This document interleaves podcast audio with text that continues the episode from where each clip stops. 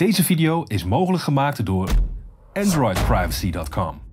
Met onze Snowden Phone en het privacy-platform helpen we je Big Tech volledig uit je leven te bannen.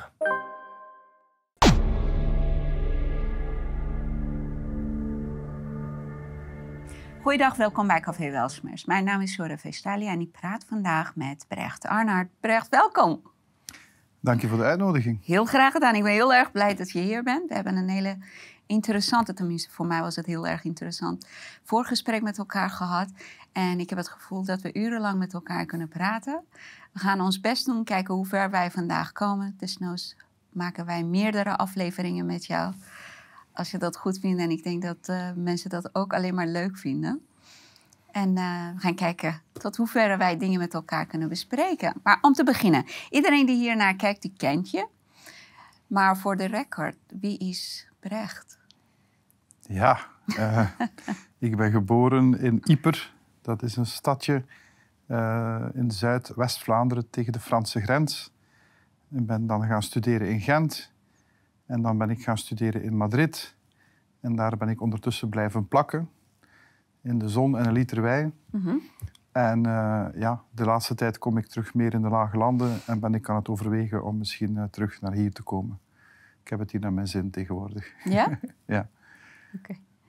Dus en... dat is het. En ik, ik, uh, ik ben redacteur van een beleggingsblad, macrotrends.be, waarbij mensen proberen uh, aan te leren hoe ze het weinige kapitaal dat ze hebben kunnen verzamelen, uh, kunnen beschermen tegen wat ja, te gebeuren staat. Ik denk dat het voor iedereen duidelijk is dat het uh, met de economie niet de juiste richting uitgaat. Mm -hmm.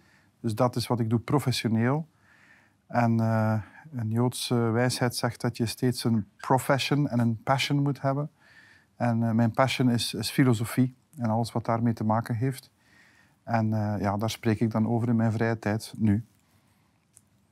Ja, okay. En je profession is aandeel, ja, kapitaal? Uh, ja, financieel advies. Niet op persoonlijke titel, maar dus elke twee weken krijgt men een editie in de bus van 24 pagina's.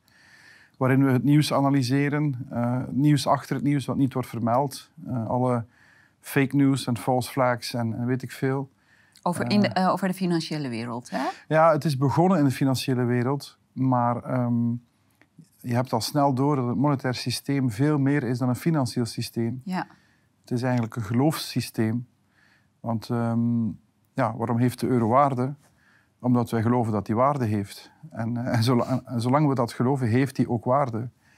En um, ja, als uh, Christine Lagarde heel veel geld bijdrukt, dan op een gegeven moment blijkt dat de euro niet waard is wat we geloofden dat die waard was. Maar is dat niet de uh, reden achter elke waardevolle materiële of zelfs spirituele ding.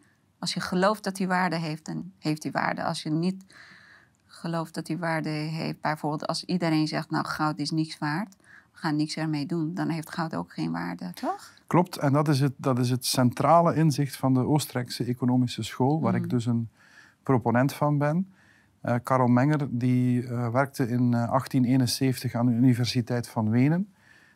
Maar daarvoor was hij um, financieel journalist. En hij probeerde de economische theorie van zijn tijd toe te passen op wat er gebeurde in de aandelenmarkten. En hij zag dat daar geen jota van klopte, omdat al die theorieën uitgingen van objectieve waarden. Hmm. En hij zei nee, waarde is subjectief. Uh, radicaal subjectief zelfs. Uh, je zou kunnen zeggen, een rotte appel heeft minder waarde dan een gezonde appel. Maar als iemand zichzelf niet graag ziet en zichzelf wil straffen, dan heeft de rotte appel voor die persoon meer waarde. Dus het ja. hangt helemaal af van het subject, dus vandaar subjectivisme. Ja, oké. Okay. We gaan het vandaag hebben over een essay dat jij in 2017 hebt geschreven. We gaan hem uh, samen met jou doornemen, De terugkeer van de koning. Ja. En ik ga ook kijken wat voor vragen bij mij naar boven komen naar aanleiding van, uh, van je essay. Ik heb het uh, globaal zelf doorgenomen. Ik ga hem helemaal doorlezen. Het is echt super interessant. Um, wat wil je daarover met ons delen? Wil je, wil je het gewoon. Ja, mag ik hem houden? Ja. Je mag hem houden. Ik heb hem geschreven, dus ik weet wat erin staat. Ja, uh, nee, het, het, kwam eigenlijk uit een analyse. Ik ben kort politiek actief geweest bij de Nieuw-Vlaamse Alliantie. Dat is de grootste partij van Vlaanderen en België die eigenlijk een onafhankelijk Vlaanderen wou. Ik weet niet of ze dat nog steeds willen. En ik was daar heel erg voor te vinden. Welk jaar was het? Ja, ik, ik was... eh, papapapam. ik heb deelgenomen aan de verkiezingen in 2009, denk ik. Ik stond zesde op de lijst, ik dacht voor de Kamer, ik weet het niet meer juist. Ik had 6.996 stemmen. Eh, werd niet verkozen, maar dat is het, eh, een geluk gebleken in mijn leven. Want de politiek is echt niks voor mij. Je moet veel te veel eh, omweggetjes maken. Maar geloofde je toen in politiek? Toen wel nog. Toen Ja? geloofde ik echt in politiek. Ik dacht echt, als je argumenten maar goed genoeg zijn en als je maar eerlijk genoeg bent, exact het omgekeerde, dan, dan, dan kom je er. En eh, ja, dat kan niet. Dat, dat, dat, zo werkt het niet.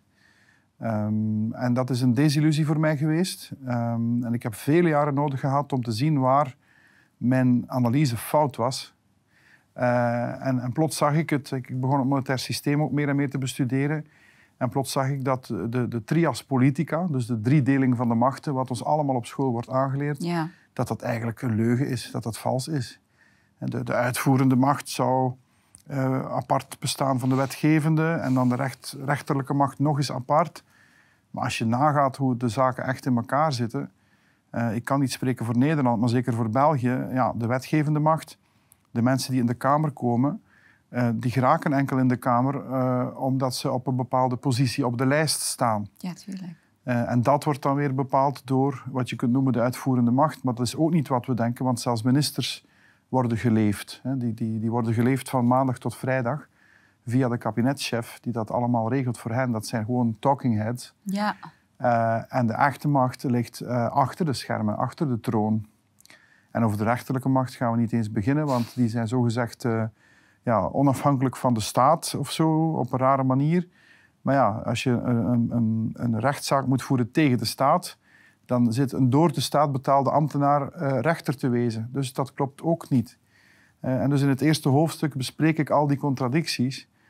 En leg ik eigenlijk uit dat de, de drie machten eigenlijk eh, vroeger één macht waren, namelijk in de figuur van de koning. Ehm, maar goed, dat is een beetje al verder in het essay. Maar de, de, de, de, ja, de basismotivatie om het te schrijven was gewoon voor mezelf eventjes duidelijk op papier zetten. Wat is die illusie nu? En als je dat dan gedaan hebt, dan, dan voel je je eigenlijk eh, heel erg gedesoriënteerd. Dan zeg je van, eh, ik heb hier allemaal in geloofd, eh, in verkiezingen, in, in gaan stemmen en, en die zaken meer. Nu niet, maar wat is dan het alternatief? Moet ik een anarchist worden? Ik, ik steel jouw fiets en wat ga je eraan doen? Dat was mijn beeld van anarchie. Ik ben een, een heel eind libertair geweest. Ehm, ja, het non-agressieprincipe van Rothbard ge- ge- gevolgd. Die stelt dat je alles mag doen wat je wil, zolang je maar geen agressie gebruikt tegenover anderen. Eh, maar ja, dat heeft dan natuurlijk ook een morele compo- component. En ja, als je dat gaat toepassen op morele zaken, eh, zit je weer in de rat. Dus ik heb een heel proces moeten doorlopen om een model te vinden eh, dat kan werken, ehm, ja, ook op moreel vlak. Ehm, en dat heb ik de triarchie genoemd. Omdat ik ben heel gevoelig voor de etymologie van woorden. En alle woorden die beginnen of die eindigen op krassi, komt van kratos. En kratos betekent macht. En ik heb echt een probleem met macht. Eh, ik heb geen probleem met autoriteit. Als iemand meer weet dan ik, dan volg ik die graag, omdat ik weet dat die problemen voor mij gaat kunnen oplossen. Maar iemand die minder weet dan ik en eh, toch mij wil dwingen, die gebruikt macht. Die, die gaat niet uit van zijn autoriteit. Dus ik maak er een heel hard onderscheid tussen. En- Maar is het niet zo dat iemand die minder weet en die gebruikt, gebruikt macht, die is ervan overtuigd dat hij meer weet dan jou? Dus ze missen een bepaalde intelligentie. Van, daardoor missen ze ook eh, een, een grote ja, zeg maar, hoeveelheid van mens zijn, menselijkheid, inlevingsvermogen. Dus ze zijn ervan overtuigd dat het hun recht is of dat ze, weet je? Klopt, Het, ja, zeker. Maar ik maak nog een ander onderscheid en dat is tussen intelligentie en bewustzijn. Mhm. Het is niet zo dat onze leiders niet intelligent zouden zijn. Hè. Ze zijn gewoon gemiddeld intelligent of zelfs een beetje meer. Mhm. Maar ze zijn vooral heel erg onbewust eh, over het feit dat die trias politica vals is. Ja, zelfs daarover zijn ze redelijk bewust, denk ik. ja, denk ik ook. Maar, maar ze zijn zich niet bewust door wie ze dan eh, ja, wel bestuurd worden. En dat is natuurlijk door de centrale banken. Draait- Weten ze dat niet, denk je? Ik denk van niet. Ik denk, Mocht het, mocht het eh, op een normale manier verlopen, dan zou het budget elk jaar moeten gestemd worden. En elk jaar zou je moeten stemmen hoeveel gaan we nu nog lenen bij die centrale bank. Maar dat wordt in een agentschap gestoken, het agentschap voor de schuld. En dat wordt eigenlijk geregeld op administratief niveau. En ja, er zijn wel budgetbesprekingen, maar aan het einde van het, van het jaar is er altijd tekort. En er is niet echt een politicus die zich afvraagt, ja, waar gaan we dat tekort vandaan halen? En het antwoord is natuurlijk door staatsobligaties uit te geven. Mhm. Die worden opgekocht door de centrale bank met vers gedrukt geld. Maar, maar tot daar, voor hen de centrale bank is, eh, in mijn beleving van hen, ik heb twee jaar in de politiek gewerkt, eh, is een soort ja, instrument om, eh, om hun politiek te financieren. Terwijl de waarheid is dat zij een instrument van de centrale bank zijn. Om mensen steeds meer te verslaven. Want met elk beleid dat wordt gestemd en dat niet eh, uit de spontane orde van de samenleving komt, creëer je problemen naar de toekomst toe. Ik zeg soms, politiek is de kunst om eh, problemen te creëren die je dan zelf kan oplossen. Ja, ja. Dus, dus ze- dat. beseffen ze niet. Ze denken, de samenleving moet worden bestuurd. Ik ontken dat. Ik ontken dat. Als je de, de, de, de spontane orde laat, laat, laat bloeien, dan is er heel veel, zelfregu- heel veel zelfregulerende mechanismen. Als je wil, kan ik er een voorbeeld van geven. Graag, ja. Ja. Bijvoorbeeld, huizenprijzen Mhm. kunnen te hoog oplopen, waardoor mensen geen eh, huis meer vinden. En dan zegt de politiek, ja, we moeten een, eh, een huurplafond instellen of we moeten subsidies voorzien voor eh, dat meer huizen worden gebouwd. Maar ehm, daar is al een mechanisme voor dat geen menselijke interventie behoeft en dat is de markt. Want als huizenprijzen heel erg stijgen, dan geeft dat een signaal aan ondernemers om te zeggen, hey, daar kun je minst winst mee maken, daar zitten grotere marges op. En dan gaan zij meer in de sector van eh, de bouw om meer huizen te gaan produceren. Dat is een soort eh, kringloop van informatie die in de markt wordt eh, ge- geregeld. Mhm. Als de prijs van appels enorm stijgt bijvoorbeeld, ja, dan gaat iedereen denken, ik ga een appelboom zetten. En er is niemand die dat beslist, dat is het mooie ervan. Maar als je, dat is de klassieke manier van denken. Als je de moderne manier van denken aanneemt, dan denk je dat jij als mens heel erg veel dingen moet beslissen. En dat is niet zo, dat is hubris. En dus geraken we steeds verder en dieper in, in die afgrond van tegenstrijdige regeltjes. Van, en dan denken mensen, mensen worden steeds gepolitiseerd. Ze denken, ja, het komt door de andere politieke partij die een slecht bele- beleid heeft gevoerd. Mhm, En ik zeg, de best policy is no policy. Mochten wij aan die Europese eh, eh, commissarissen gewoon elk eh, een miljard geven, dat is een lekkere som, dan zou het goedkoper zijn dan, dan, dan wat we nu moeten doen door al die problemen te gaan oplossen die zij hebben gecreëerd. En dat is hoe de Oostenrijkers, dus de Oostenrijkse economische schoolmensen, dat zien. Is Dus- dat duidelijk of, of niet heel Ja, erg? ja, ja, het is zeker duidelijk. Ja. Ik, ik probeer gewoon na Ja. te denken, kan ik zelf ook een voorbeeld hierover geven? Maar eh, nee. Interventie leidt steeds tot meer interventie. Het idee in het begin is, ah, er is een probleem, we gaan een interventie doen, dan is dat probleem opgelost en dan laten we de markt terug vrij. Maar er zijn altijd unintended consequences, dus dingen die men niet voorzien heeft, Ja. die dan een ander stuk van het leven ontregelen. Mhm. Ja, en dan moet je daar interventie hebben. Maar die oude interventie is niet weg. Ik denk dat het Hayek was die zei, there's nothing more permanent than a temporary policy measure. Dus, ja, eh, ja, klopt. Ja, dat zien wij ook gewoon in de afgelopen twee jaar. Hè? Ja, dus, eh, en, en dat blijft gewoon. De, ik denk dat de, de zelfstandigen betalen nu nog steeds een crisisbelasting die Jean-Luc Dehaene heeft ingevoerd in 1993. En het ging voor drie Nee. kwartalen zijn. Dus Ah, betalen in nog. België? Ja, in België, ja. Kampioen van, van de belastingen in België. De hoogste belastingen van de wereld en de laagste pensioenen van de wereld. Is dat zo? Ja. Oh, dat wist ik niet. Ja. Een alleenstaande eh, werknemer die, ehm, ja, die dus gewoon werknemer is. Het laatste OESO-rapport dat ik gelezen heb, ik dacht dat hij 58% belastingen betaalt. Gaat het niet eh, volgens de schijven? Is dat gewoon alleen maar één bedrag? Want in Nederland gaat volgens schijven. Ja, het gaat in schijven. Dus een progressieve belastingstelsel. Nu, ik ben geen fiscalist, dus ik moet eh, oppassen dat ik geen fouten maak. Maar het komt erop neer dat wie echt onafhankelijk wil zijn, dus niet of afhankelijk van de staat, nog van een baas, en eigenlijk eh, zelfstandig wil zijn, ja, die ziet meer dan de helft van zijn vermogen afgeroomd door, door de staat. En dat, dat maakt natuurlijk dat mensen afhankelijker worden. En dan is de logica natuurlijk eh, plausibeler dat de staat moet zorgen voor de mensen. En dat is dan het idee van de welvaartsstaat. Maar ondertussen stijgt de schuldenberg en zijn we collectief allemaal armer aan het worden en afhankelijker van die centrale bankiers. En dat is wat ik graag zou zien verdwijnen. Dat, ehm, we hebben geen centrale banken nodig. We hebben geen centrale bakkerij nodig voor brood. Waarom zouden wij een centrale bank nodig hebben voor geld? Maar nu gaan ze gewoon daar naartoe. Hè? Alles moet centraal. Centrale, uh, weet ik veel, bakkersdingen, centrale ja. bezorgdingen, centrale taxi. Uh, alles moet uh, echt naar een één of twee bronnen gaan. Dat alle lokale dingen worden kapot gemaakt. Wordt kapot. En dat, dat is omdat je een... Um, als, je, als je geld bijdrukt en je injecteert dat in de bestaande geldhoeveelheid, mm -hmm. dan zakt de rente. En als je de rente laat zakken, dan is dat eigenlijk een verdoken kapitaalssubsidie. Normaal gezien, als je, staat dat je een pizzeria zou willen openen, en je hebt daar eh, zeg maar iets 200.000 euro voor nodig, maar de rente staat op 10%, zijn er heel veel mensen met het idee om een pizzeria te openen, maar slechts weinig mensen die bij de bank een lening gaan krijgen, omdat de bankier zegt, ja, maar jij kunt met jouw businessmodel niet eens die 10% terugbetalen. Mm Maar als de rente zoals nu staat op 1%, dan kan iedereen een, een hond met een hoedje op kan een business-idee uitvinden en naar de bank gaan en, een lening krijgen. Is dat niet goed? Um, ja, in een vrije, eh, stel dat in een vrije samenleving uh, de rente laag zou zijn, dan is dat gewoon een gevolg daarvan. Dat is niet erg.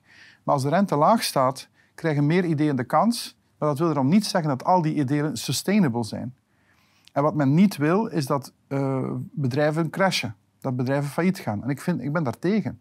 Als een bedrijf niet rendabel is, moet het failliet gaan om de middelen die daarin vastzitten los te maken en naar goede bedrijven te gaan.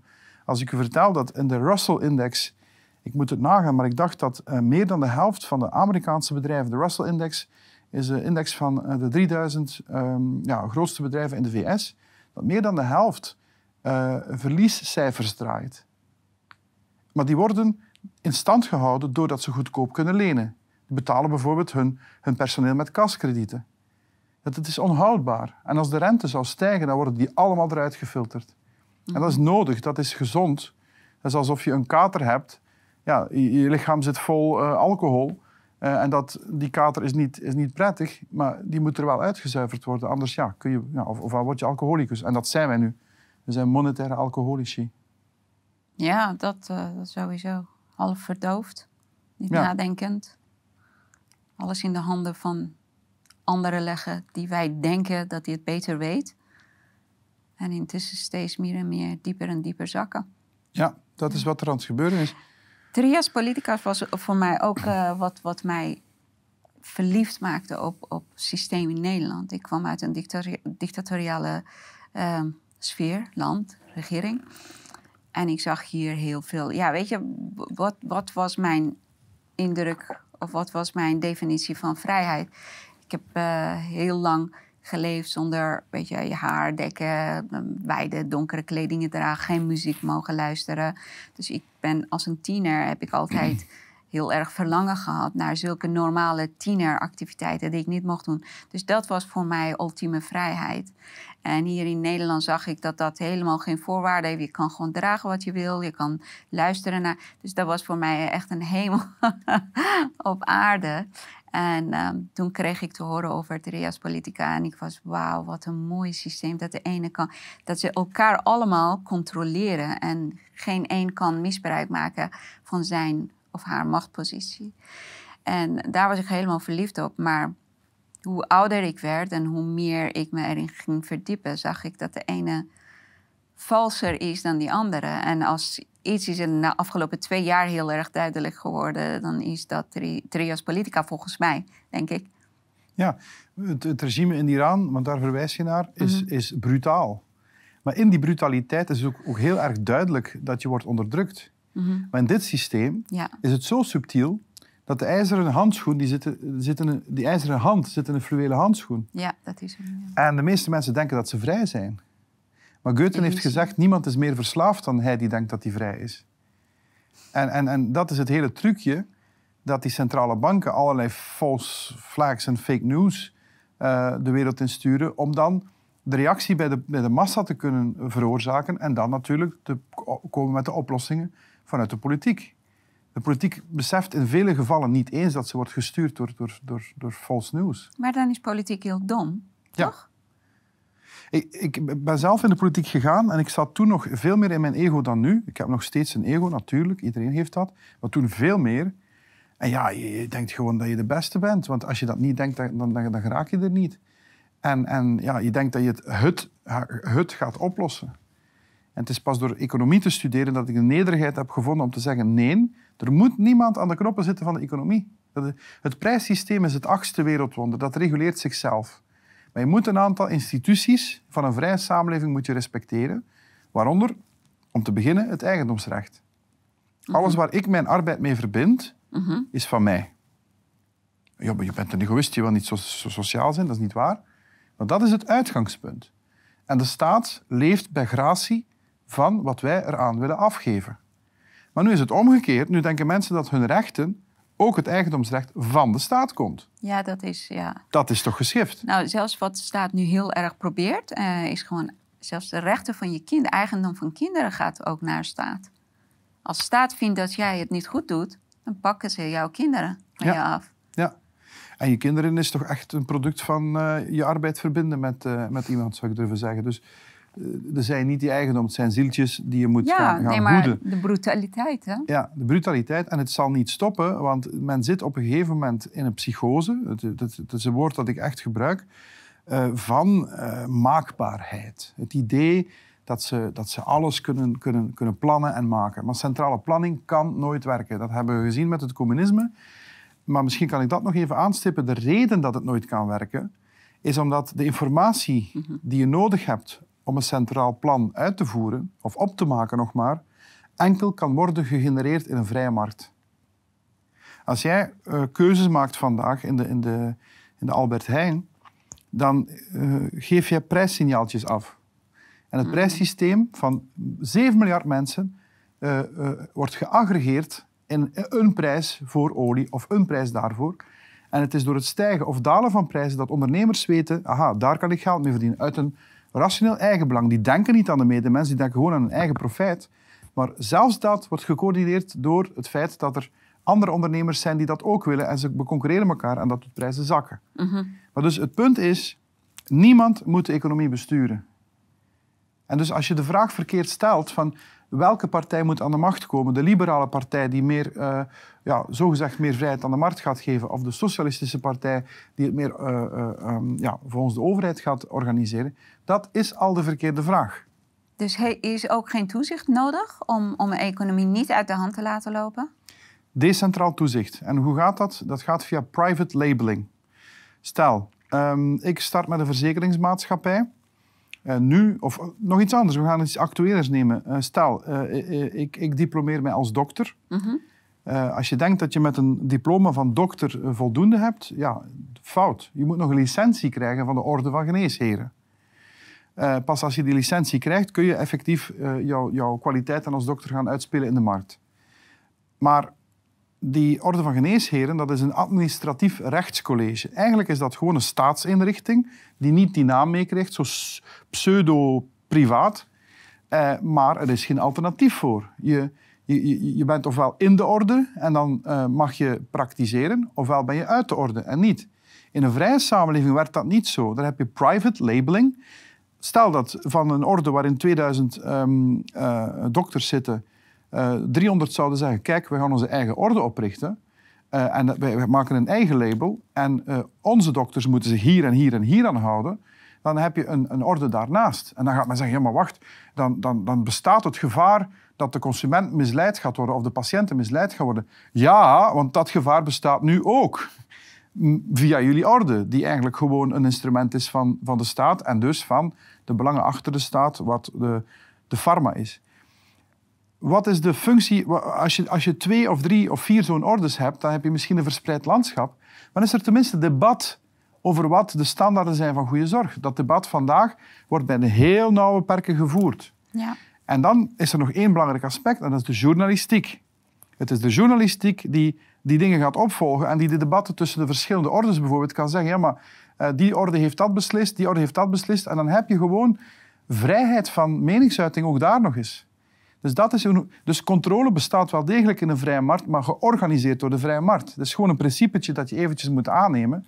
Maar we kunnen dat niet meer. We denken, als er een ongeval is gebeurd met een auto, ze moeten een wet stemmen die... Nee, als ik dat hoor, dan denk ik, nee, dat is net het probleem. Want ah, was er private labeling geweest, dan waren die gevallen waarschijnlijk al niet meer gebeurd, omdat die protocollen organisch vanuit de markt waren naar voren gekomen. Ik ga een voorbeeld geven. Een hamburgermenu op je telefoon, die drie streepjes.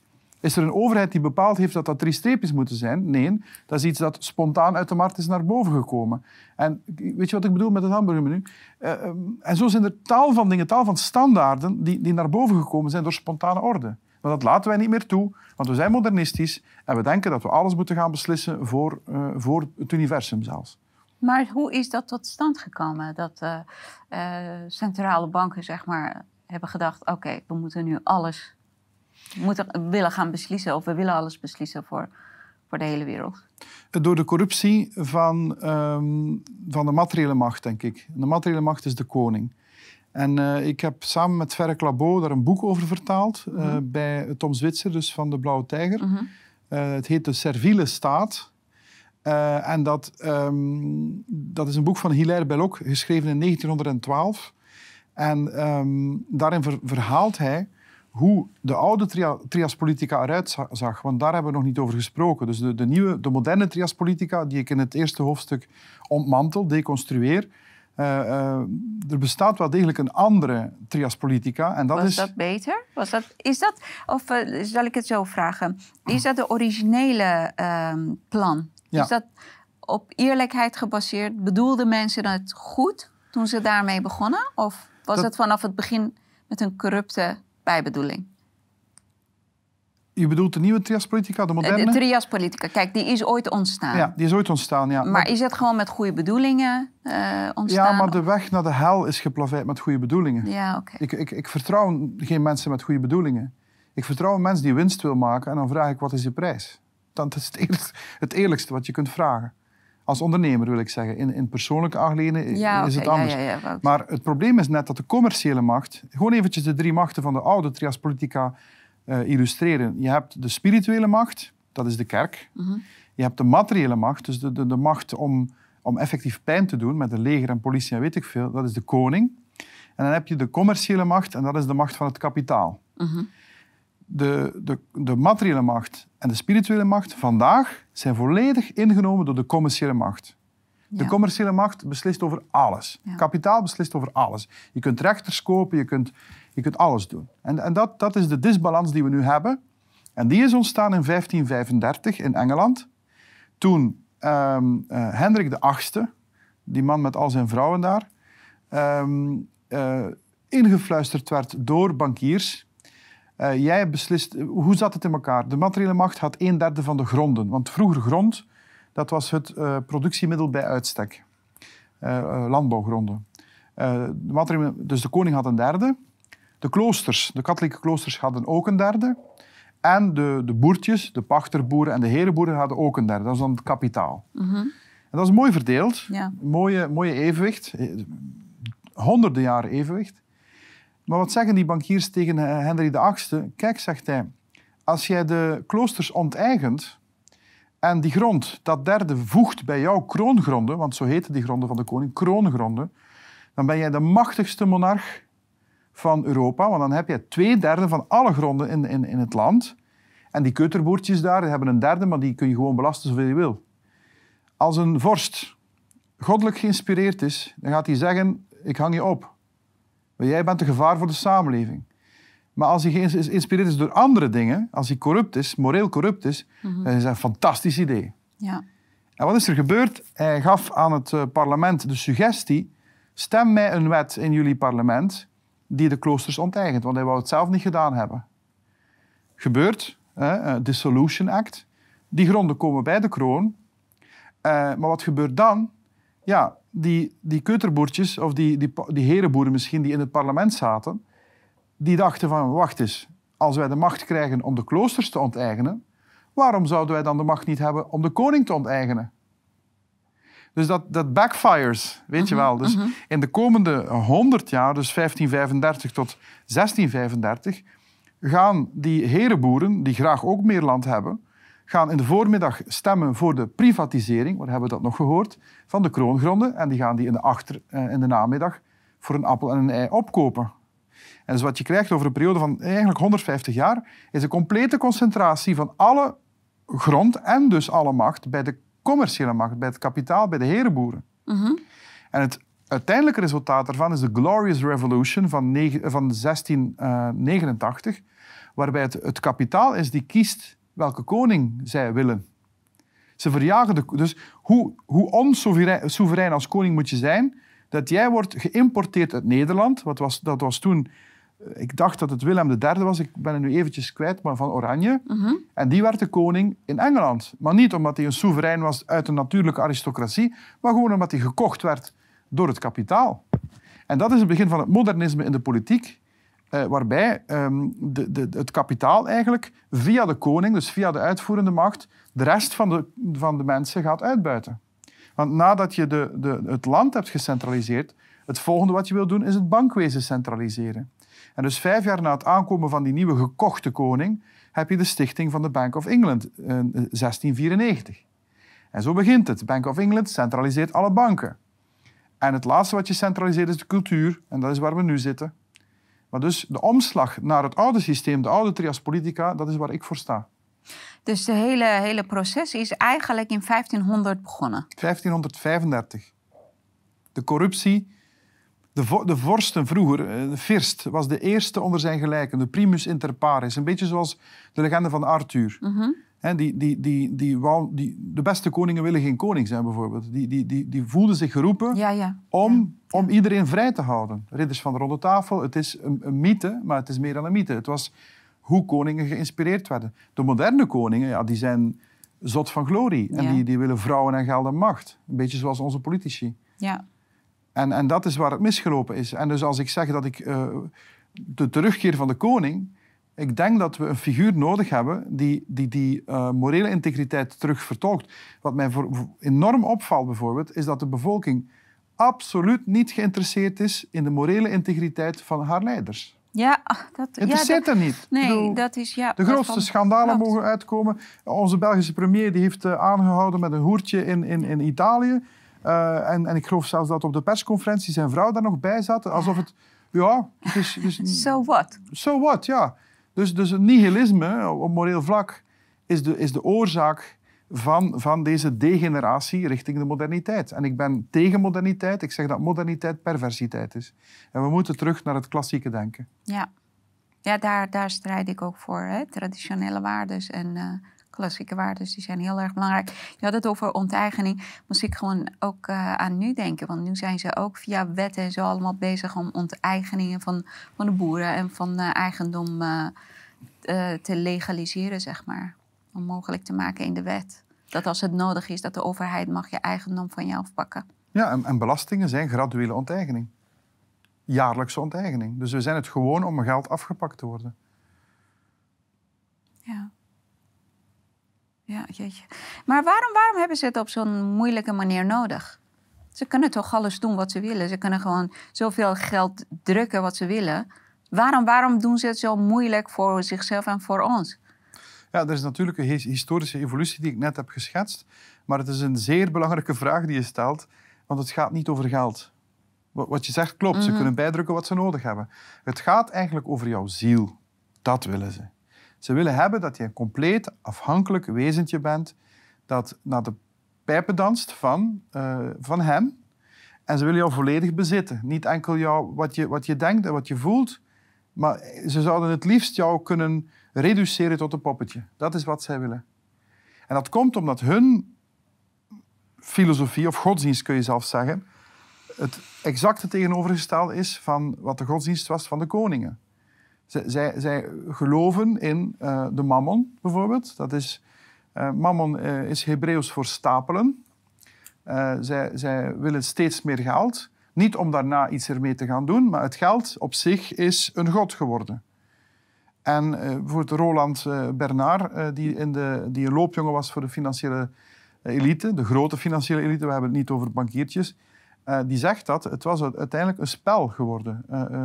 Hoeveel geld ze kunnen verdienen op een jaar het, het, het wordt nooit meer afgerekend in wat kunnen we daarmee dan gaan doen. Nee, het wordt gewoon weer ingezet om meer geld te, te maken. Een soort obsessie. Een obsessie, ja. Ze, ze zijn verslaafd aan, aan geld. Ze- eigenlijk de grootste slaven zijn, zijn zij. En ze willen eigenlijk hebben dat iedereen slaaf wordt, net als hen. Van de mammon. En de mammon voor mij is een avatar, een gezicht van de duivel. Want dat mag je ook niet meer zeggen, dat de duivel bestaat. Eh, Dat de, ja, dan ben je een beetje een rare, rare figuur. Ja, Ik zeg, klopt. de duivel bestaat. En zijn grootste truc is om ons wijs te maken dat hij niet bestaat. Ja, daar geloof je toch niet meer in, zeker? Ja, ik wel. Ja, en er zijn steeds meer en meer mensen die eh weer teruggaan naar basis eh, en basisnormen en waardes. Dus dat de duivel bestaat, die bestaat echt. Want we worden dagelijks geconfronteerd eigenlijk met de daden en misdaden van duivel. Ja, het is, het is een, eh, een diabolisch systeem waar we in zitten, letterlijk. En het vroegere systeem was een symbolisch systeem. Wat diabolijn uit het Grieks betekent van één werpen. Dus wat de duivel doet, is de betekenis van dingen verbreken. En dat zie je ook in die hele woke-cultuur bijvoorbeeld. Ja, Ja, woke, wakker zijn, die zijn absoluut niet wakker. Ze, ze, slapen diep. In een droomloze slaap. ik heb nog een andere zo'n metafoor. Je moet niet vergeten wat je aan het vertellen was, maar ik ben bang dat ik het vergeet. Ook als mensen die drugs gebruiken, ze zeggen I'm high, I'm high. Terwijl dat ze zijn heel erg low eigenlijk. Juist. Ze zijn helemaal niet high. Nee, nee, nee, nee. ze zijn een, een bewustzijn aan het vernauwen. Ja, En omdat de vernauwing van bewustzijn een, een versnelling van het bewustzijn brengt, denken ze dat ze een verhoging van het bewustzijn hebben. Maar dat is, dat is gewoon optiek. Ja. Dat is niks anders. ja.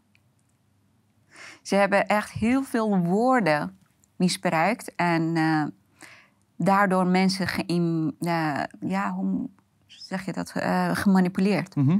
Mensen die bij woke culture horen, ze denken dat ze heel erg goed en moreel bezig zijn.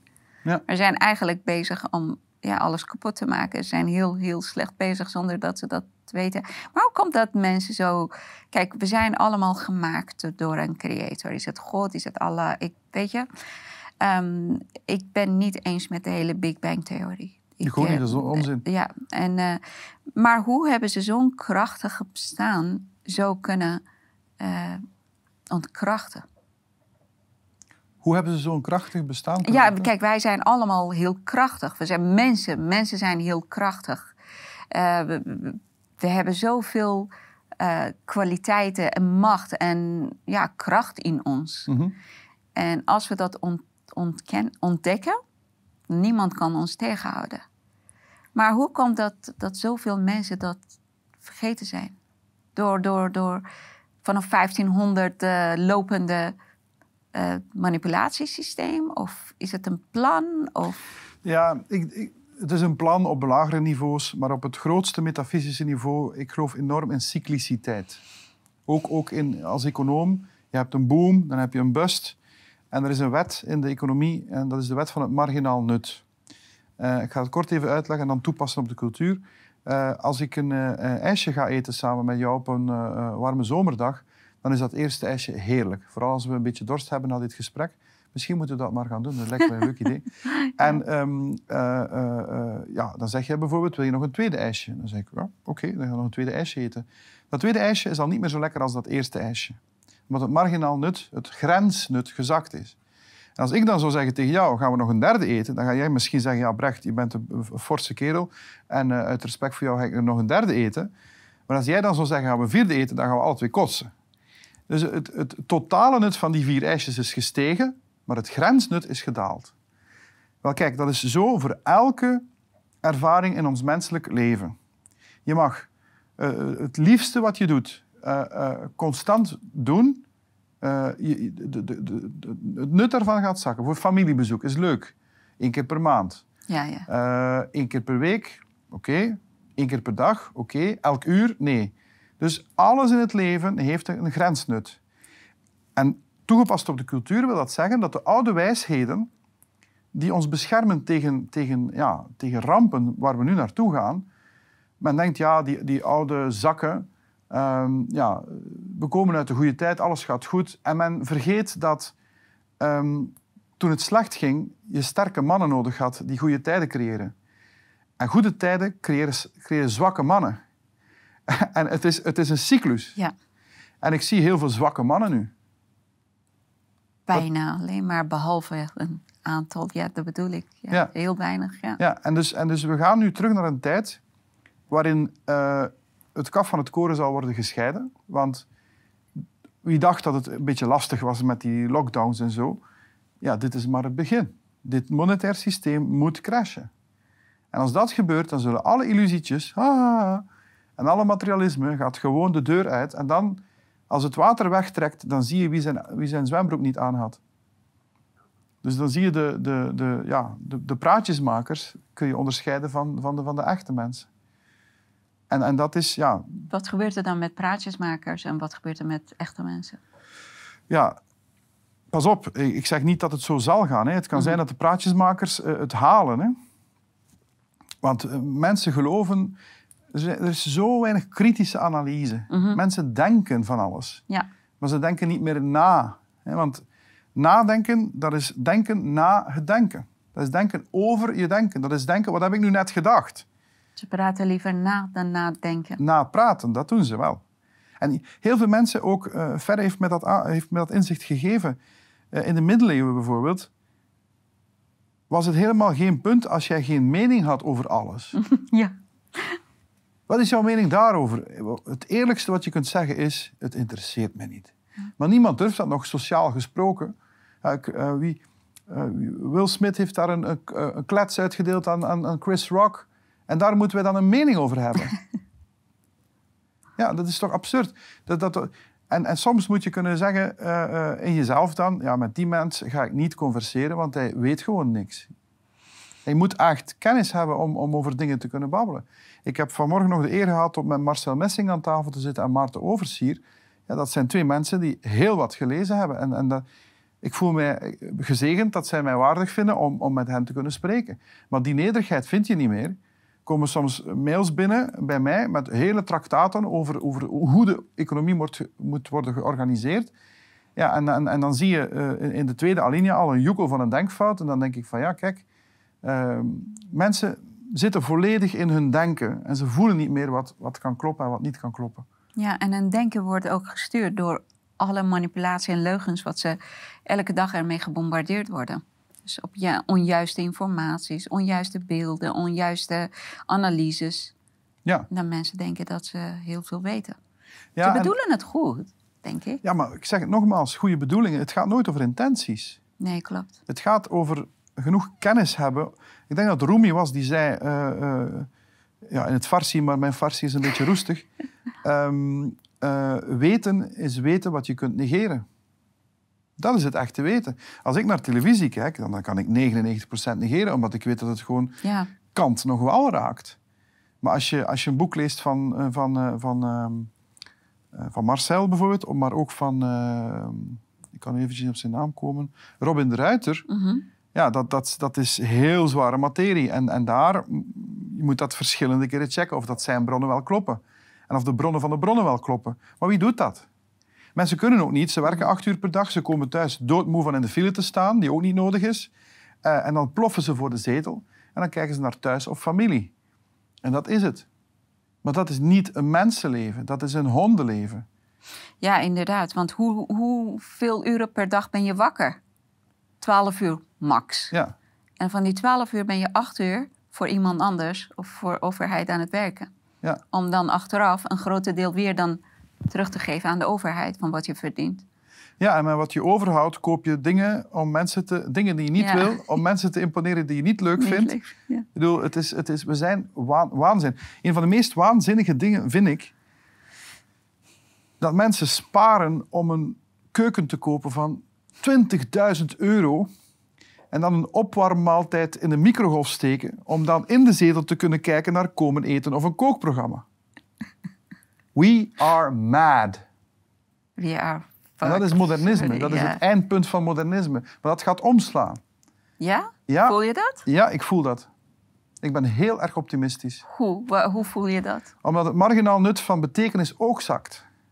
De betekenis daarvan voor die mensen, zij voelen al lang dat dit geen leven is. Maar ze kennen ook niks anders. Als je kijkt Lees naar de jeugd. Ja, dat sowieso. maar ehm, de jeugd van nu. Ja, je hebt wel af en toe jonge mensen die wakker zijn. Maar ze kennen niks anders.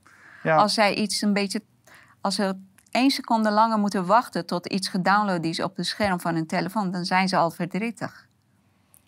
Dat is toch raar? Bepaalde jeugd, ja. Maar ik, ik, ik, ehm, kinderen komen uit de toekomst.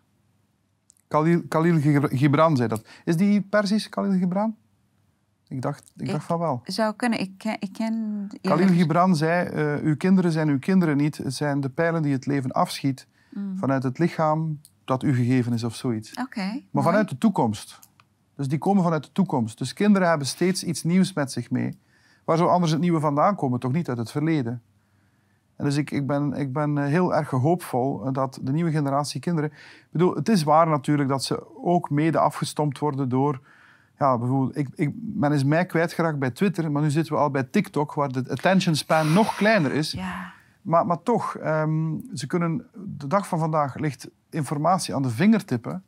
Ik heb enorm veel respect voor Robin de Ruiter bijvoorbeeld, want eh, die informatie die hij kon vinden dat was in een tijdperk dat er nog niet eens internet was. Dan moest je echt gaan zoeken in boek, in bibliotheek, notities maken, misschien een kopietje als dat mocht. Maar nu, uh, de documentaires die je nu kunt maken, bijvoorbeeld, waarmee mensen op, op één uur geweldig goed geïnformeerd worden. Het is niet te stoppen, het bewustzijn. Ik, ik, ik zie het stijgen. Misschien is het omdat ik me te veel ophoud met bewuste mensen. Misschien zou ik me, mijn baard moeten afscheren, mijn haar rood kleuren en op de trein gaan zitten. Maar, maar, um... maar klopt wat je zegt eigenlijk. Kijk. Ik denk het wel. ja. ja. Want kijk, het is uh, een hele grote manipulatie die loopt. Maar daarnaast heb je ook mensen die ook de waarheid proberen uh, duidelijk te maken. Of tenminste bewustzijn in mensen aan te wakkeren. En dat loopt ook. En dat ze zijn van alle kanten aan het uh, bedenken hoe ze dat tegen kunnen houden. We hebben het continu over ze, ze, ze, ze. Ik krijg heel vaak op mijn Instagram het vraag: maar wie zijn ze? Ik zei: I don't know. Maar ik weet dat ik ze niet mag. Ja, dat is genoeg. Ja, je moet ook niet weten wie het complot gesmeed heeft. Het ligt, het ligt ook aan ons. Hè. Als wij die zaken niet meer geloven, dan, dan heeft men geen macht over ons. Maar het is omdat wij niet bewust genoeg zijn dat we allerlei onzin geloven, zoals verkiezingen en zo. Ja. Ik ga nooit meer stemmen. Ever. Nee.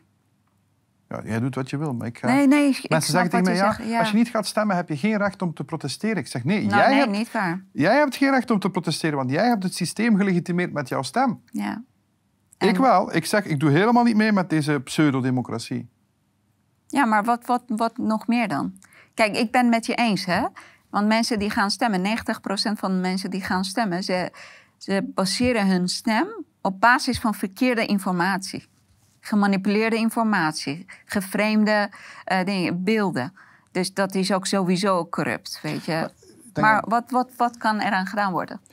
Ja, wat je zegt klopt volledig. Ik denk dat Noam Chomsky was die uh, het boek geschreven heeft, uh, The Manufacture of Consent. Mm. Dus men zoekt gewoon de datapuntjes bij elkaar die nodig zijn om het debat te sturen naar een bepaalde richting. Ja. En dat herhaal je dan en dan stemt men in alle vrijheid ja, tuurlijk. Ja, ja. Het is toch grappig? Ik kan je helemaal verdoven. Ja. En dan zeg ik, kijk, weet je, je voelt geen pijn, zie je? Dus het ligt niet aan mij, weet je? Maar ik heb je al van tevoren verdoofd. Dus uh, ja. ja. Nee, de enige manier om de democratie te redden, in mijn ogen, is om ze terug te brengen naar haar klassieke proporties. En dat is door ze te gebruiken als een negativistische kracht. Nu gebruiken we de democratie om te verkiezen wie ons de volgende vijf jaar gaat bestelen. Ja. En um, wat we moeten doen, is de democratie gebruiken om een uh, dief te um, expulseren, dus uh, verbannen. Want bijvoorbeeld in het oude Griekenland, uh, als een tiran of als een, een, een, leider tyranniek werd, dan gooide je een kruik in de grond, een amphora, en op de scherven schreef je zijn naam of de naam van een andere. Maar als zijn naam te veel naar voren kwam, dan werd hij verbannen. Mm -hmm. Wat gebeurt nu? Iemand wordt hoogstens niet herverkozen, hoogstens dat. Die krijgt dan een of ander baantje in de financiële sector. En via de draaideur komt hij met de grootste schandalen achter zich hè, terug. Ja, dat is geen democratie. Democratie is, jongen, als jij het te bond maakt, dan ga je nooit nog in de politiek kunnen binnenkomen. Dan ga je nooit in een enkel overheidsbedrijf uh, uh, binnenkomen. En dan, ja, dan mag je zelfstandig worden of zo. Maar uh, als je een klein beetje uh, moreel gevoel hebt in de samenleving, ga je die zelfs geen werk geven. Mm Zo erg moet dat zijn. En ons respect voor de politici is veel te groot. Nou, we, weet je, ik zeg niet dat wij geen andere keuzes hebben, maar zij hebben helaas te veel eh, dingen ter beschikking. Qua geweld, qua Monopolie op geweld. alle, ja. Ja. Want Rutte zei eh, aan het begin van de hele corona gebeuren, zei hij, ja, als mensen dat niet willen, dan weet je, dan houdt het op. We gaan mensen toch niet dwingen. Maar als mensen gingen demonstreren om te zeggen dat we dat niet willen, nou, die werden met honden en ME'ers, ze werden zo hardhandig aangepakt dat heel veel mensen door die trauma niet meer durven gaan demonstreren. Dus ze praten en ze doen wat anders. Ze praten iets anders en ze doen wat anders. Dus het is allemaal, ehm, ja, leugens, leugens, leugens. Maar het is toch prachtig hoe zij zichzelf in de, in de voet schieten. Ja, maar het is heel lelijk hoe mensen daardoor niet meer durven te zeggen wat ze willen. Ja, maar net nu moet je nog meer zeggen wat je, wat je wil. Ja, tuurlijk, Ja. Dat, dat mentaliteit heb ik ook. Ja. Maar heel veel mensen zeggen, ja, ik, toen de hele corona gebeuren begon, ik begon me in mijn privésfeer uit te spreken. Kijk, op mijn werk deed ik gewoon wat ik moest doen. En ik liep niet om te zeggen, oh, dit klopt niet, dat klopt niet. Nee, maar weet je, dan ben ik ook, nou, niet slaaf genoeg, maar netjes genoeg om mijn, ja, Tuurlijk. maar ze waren niet blij met mijn privé-uitingen. Met de interviews die ik gaf. En dan dacht ik, ja, come on. Ik ben gewoon uit een dictatoriale land gevlucht naar een vrije westen, vrije land. Wil jij mij beperken in dingen dat ik in mijn vrije, mijn privésfeer wil benoemen? Nou, ze waren niet zo happy. En mijn contract werd ineens niet meer verlengd. Dus ik kwam zonder baan te zitten. Maar dat, kijk, weet je, dan leef ik veel beperkter. Dan leef ik moeilijker. Maar voor mij, beperkt kunnen denken is veel pijnlijker dan beperkt kunnen geld uitgeven. Ja, maar je, je, hoeft- je hoeft zelfs niet beperkt te leven. Wa- Waarom denken wij nog steeds dat we een baan moeten vinden? Je kan toch niet eh, niks hebben? Tenminste, nou, kijk, ik zeg niet dat ik daarmee eens ben. Mhm. Maar hoe kan je dan blijven leven in de huidige situatie? Zelfstandig zijn. Je eigen Ja, bedrijf. ja, dat sowieso. Ja, ja. Ja. Maar dat werd ook van alle kanten tegengehouden door de overheid, door de maatregelen. Ja, ja, tuurlijk. En, en, en eh, ik heb heel veel respect voor horecamensen. Eh, Een goede vriend van mij, die had een nieuw restaurant geopend. En drie weken na de opening, met alle investeringen gedaan, komt die corona-bullshit. Ja, jeetje. Dat is verschrikkelijk. Dus Ja. niet elke zelfstandige kan zelfs nog zijn job doen. Ja. Maar er zijn heel veel dingen, vooral in onze sector, audiovisueel en, en intellectueel. Ja, kun je, kun je, een website kan iedereen toch maken. En er zijn heel veel Ik mensen... niet. Ja, of laat je maken. Ik bedoel, Ja. maar ik wil zeggen, er is nog nooit... En de markt is enorm. Hè? Ik bedoel, als je in het Engels klopt. kunt schrijven... Jouw boek is nu in het Nederlands verschenen. Is het ook in het Engels verschenen? Ze zijn bezig om, om Ja, het in dat- Engels uit te brengen. Als je dat goed market, ja, dan, dan, dan, dan, dan, dan, dan ga je geld verdienen. Dus, eh, en je moet, mensen moeten ook- ook leren creatief zijn terug. Maar je kunt enkel creatief zijn als je geen angst hebt. Mhm. Als je angst hebt, Durven risico's te nemen. dan, dan, dan, dan, dan, dan, dan gaat alle energie naar die angst. Maar op het moment dat je geen angst meer hebt, ga je naar binnen. En begin te fantaseren, te dromen. En zeg, hey, dat is wel een gek idee. En dan ga je op café, als je nog mag. En dan met twee, drie vrienden eh, komt er een fantastisch businessidee. En dan ga je naar huis, naar je vrouw en zegt ze, ben je gek? Dat is de test. En, en dan moet je het herformuleren. En, maar zo ontstaan de beste businessideeën. En dat is hoe je werkelijk soevereiniteit bekomt. Zelfs niet meer denken... De ergste slaven denken, ik moet geld krijgen van de, van de staat. Mhm. De, de middenklasse slaven denken, ik moet geld krijgen van mijn baas. Maar de werkelijk soevereine mens denkt, wat is mijn uniek talent dat ik Ja. in mijn buik heb, dat niemand anders heeft. Niemand, niemand, niemand weet dat ik repelsteeltje heet. En dat je dat gaat doen in de markt. En eh, een van de grootste bedriegers en een pedofiel is John Maynard Keynes, die de, eh, de wet van Sai heeft omgekeerd. Hij zei, eh, het, de, ehm, de vraag bepaalt het aanbod. Dat is wat Keynes zei. Dat is niet waar. Het is het aanbod die de vraag bepaalt. Ja, Als jij klopt. komt met een aanbod, Ja.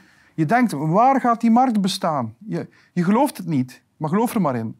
Wat, wat jij brengt naar de markt, jouw unieke ding, daar zitten heel veel mensen op te wachten. Maar het is een latente markt, die is nog niet ontdekt. Maar als jij met overtuiging zegt, dit is mijn product, denk je dat iemand zat te wachten op een touchscreen?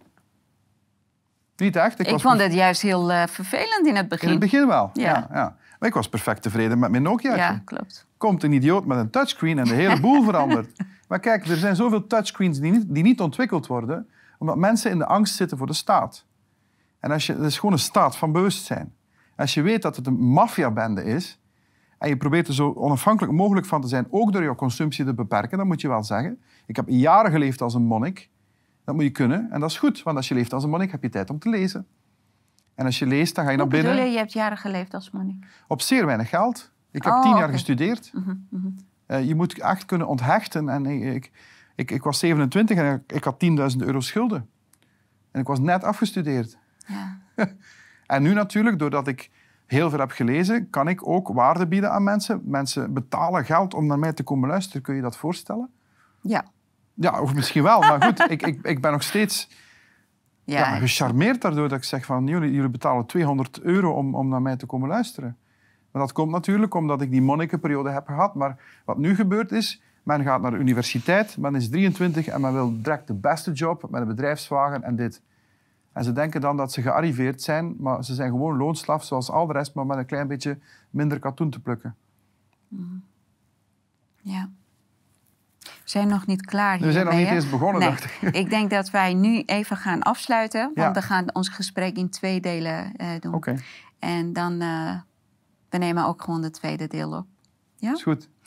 Mensen, bedankt voor het kijken. En we zien jullie heel graag terug in het tweede deel. Gesprek met Arnard. Bedankt voor het kijken.